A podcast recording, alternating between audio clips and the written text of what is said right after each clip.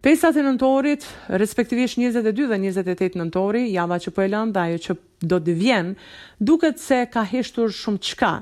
Në Maqedoninë e Veriut, grupet e zjarrit nuk janë të zhurmshme, ndërkaq edhe Hallet, problemet, sfidat, kriza ekonomike, energjetike janë harruar për pak ditë. Negociatat me Aleancën për Shqiptarët për zgjerimin e shumicës duket se janë në status quo. Palët akoma nuk kanë pranuar të kenë biseduar për ndarje resorësh dhe këmbgulin se kanë biseduar për vlera dhe parime. Kryeministri Kovaçevski me përgjigje identike është drejtuar se të gjitha partitë që ndajnë vlera me koalicionin tonë dhe janë pro rrugës europiane dhe hyrjes së Maqedonisë së veriut në Bashkimin Europian e kanë vendin në qeveri dhe dyert i kanë të hapura. Por mund të konfirmoj se për ndarje resorësh nuk bisedohet, bisedohet akoma në nivel të konceptit dhe vlerave politike, është shprehur Dimitar Kovaçevski. Njëzet e dy nëntori, njëqind e katërmbëdhjetë vjetori i Kongresit të Manastirit ka nisur me festime nga Likova e Kumanovës. Zëvendëskryeministri i parë i vendit, Artan Grubi, së bashku me kryetarin e Likovës Erkan Arifi, drejtorin e Ndërmarrjes Publike për Rrugët Shtetërore Ejup Rustemi, ministrin e Arsimit dhe Shkencës Jeton Shaqiri, deputetë dhe banorë të zonës kanë nisur festimet nga Likova duke përuruar projekte të realizuara si rrugën e riparuar tërësisht Llopat-Mateç dhe më pas me homazhe në varrezat e dëshmorëve në Hotël dhe me mbjelljen e fidanëve në sheshin e dëshmorëve në Mateç kanë përkujtuar të gjithë ata veprimtarë të asaj zone të cilët vunë jetën e tyre në shërbim të përjetësimit të idealit kombëtar të gjuhës dhe arsimit. Akademia Qendrore është mbajtur në Shkup, është realizuar dhe organizuar nga lideri Ali Ahmeti, i cili në praninë e shumë personaliteteve ka kujtuar thënien e Gjergj Fishtës, i cili na thotë edhe sot njëlloj si dikur. Shqiptarët vërtet kanë Bajram e Pashkë, por Shqipërinë e kanë bashkë. Për më tepër ndjekim prononcimin e tij. Kjo ngjarje ka ndodhur njëqind e katërmbëdhjetë vjet përpara. Po t'i hedhim dhe t'i kthehemi historisë. Kjo ngjarje kaq e madhe, zoti Kovaçevski, ka ndodhur në Manastir. Sigurisht që Manastiri ka qenë i banuar edhe nga maqedonët, edhe nga shqiptarët, dhe asnjë maqedonas në atë kohë dhe në këtë kohë, ndoshta atëherë televizione E portale nuk ka pas, por shënimet kanë mbetur. Kërkush nuk ka reaguar nga bashkëqytetarët tanë maqedonas, përkundrazi, janë përkrahur të gjithë ata të cilët kanë bë hapa përpara për kombet e tyre.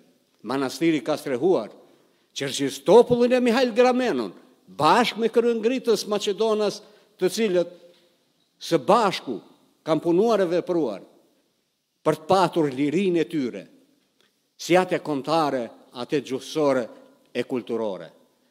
Jo rastësisht ndodhi jo larg manastirit edhe Krusheva. Marrëveshjen që e bënë bashkë shqiptarë, maqedonas e vlleh.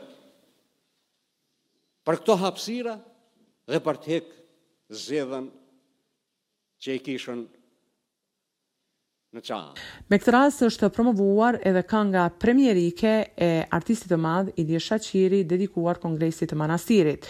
Ndërkaq, gjithë dita dhe java është kurorëzuar me një mega spektakël që ka zgjatur rreth dy orë në një transmetim direkt në televizionin shtetëror të vendit dhe në televizionin shqiptar.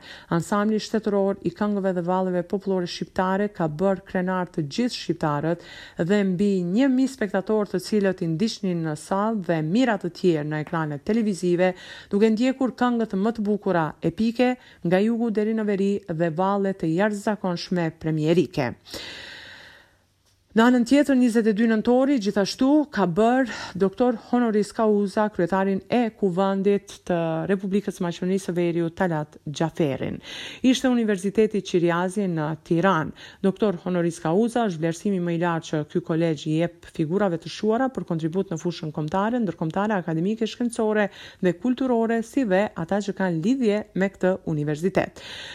Senati Akademik i Kolegjit Universitar Qiriazi vendosi t'i ndajë titullin kryetarit Xhaferi për kontributin e tij të veçantë për zyrtarizimin e gjuhës shqipe, për lirinë dhe të drejtat e shqiptarëve në Maqedoninë e Veriut, për mençurinë dhe vlerat e larta intelektuale dhe shtetformuese në mbrojtje të identitetit tonë kombëtar, për lidhjet e tij shpirtërore me ikonat e arsimit tonë kombëtar, Sevasti dhe Parashqevi Qiriazi dhe Kristo Dako, që janë trashëgimia historike dhe vazhdimësia e Kolegjit Universitar Qiriazi, është thënë në. Kumtesë.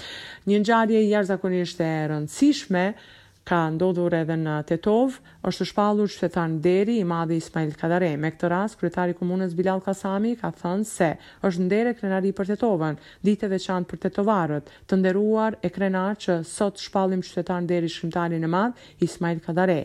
Jemi me fat që jetojmë në kohën e tij, ka përfunduar Bilall Kasami. Ndërkaq, me plot emocione është drejtuar para të pranishmëve edhe vetë Ismail Kadare. Ndjekim deklaratën e tij. Duhet të më besoni se nuk e kam lehtë të flas përpara jush, jo se nuk di të them fjalë nga më të ndërlikuarat që mund të gjenden në botë, sepse kam atë mjeshtërinë, mjeshtërinë e fjalës, Por sepse çaste të tilla janë shumë të rralla në jetën e një shkrimtari, të jetë përpara lexuesve të një prej qyteteve të pafundme të botës iliro-shqiptare.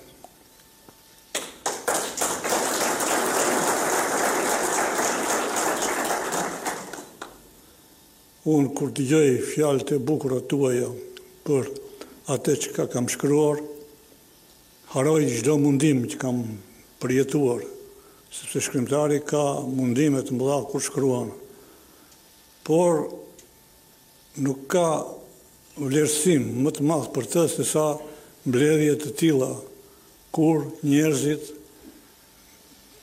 presin të dëgjojnë nga goja e tij Diçka edhe më tepër për atë që ka lexuar nga dora e tij. Ju falenderoj dhe një herë, ju falenderoj jashtëzakonisht.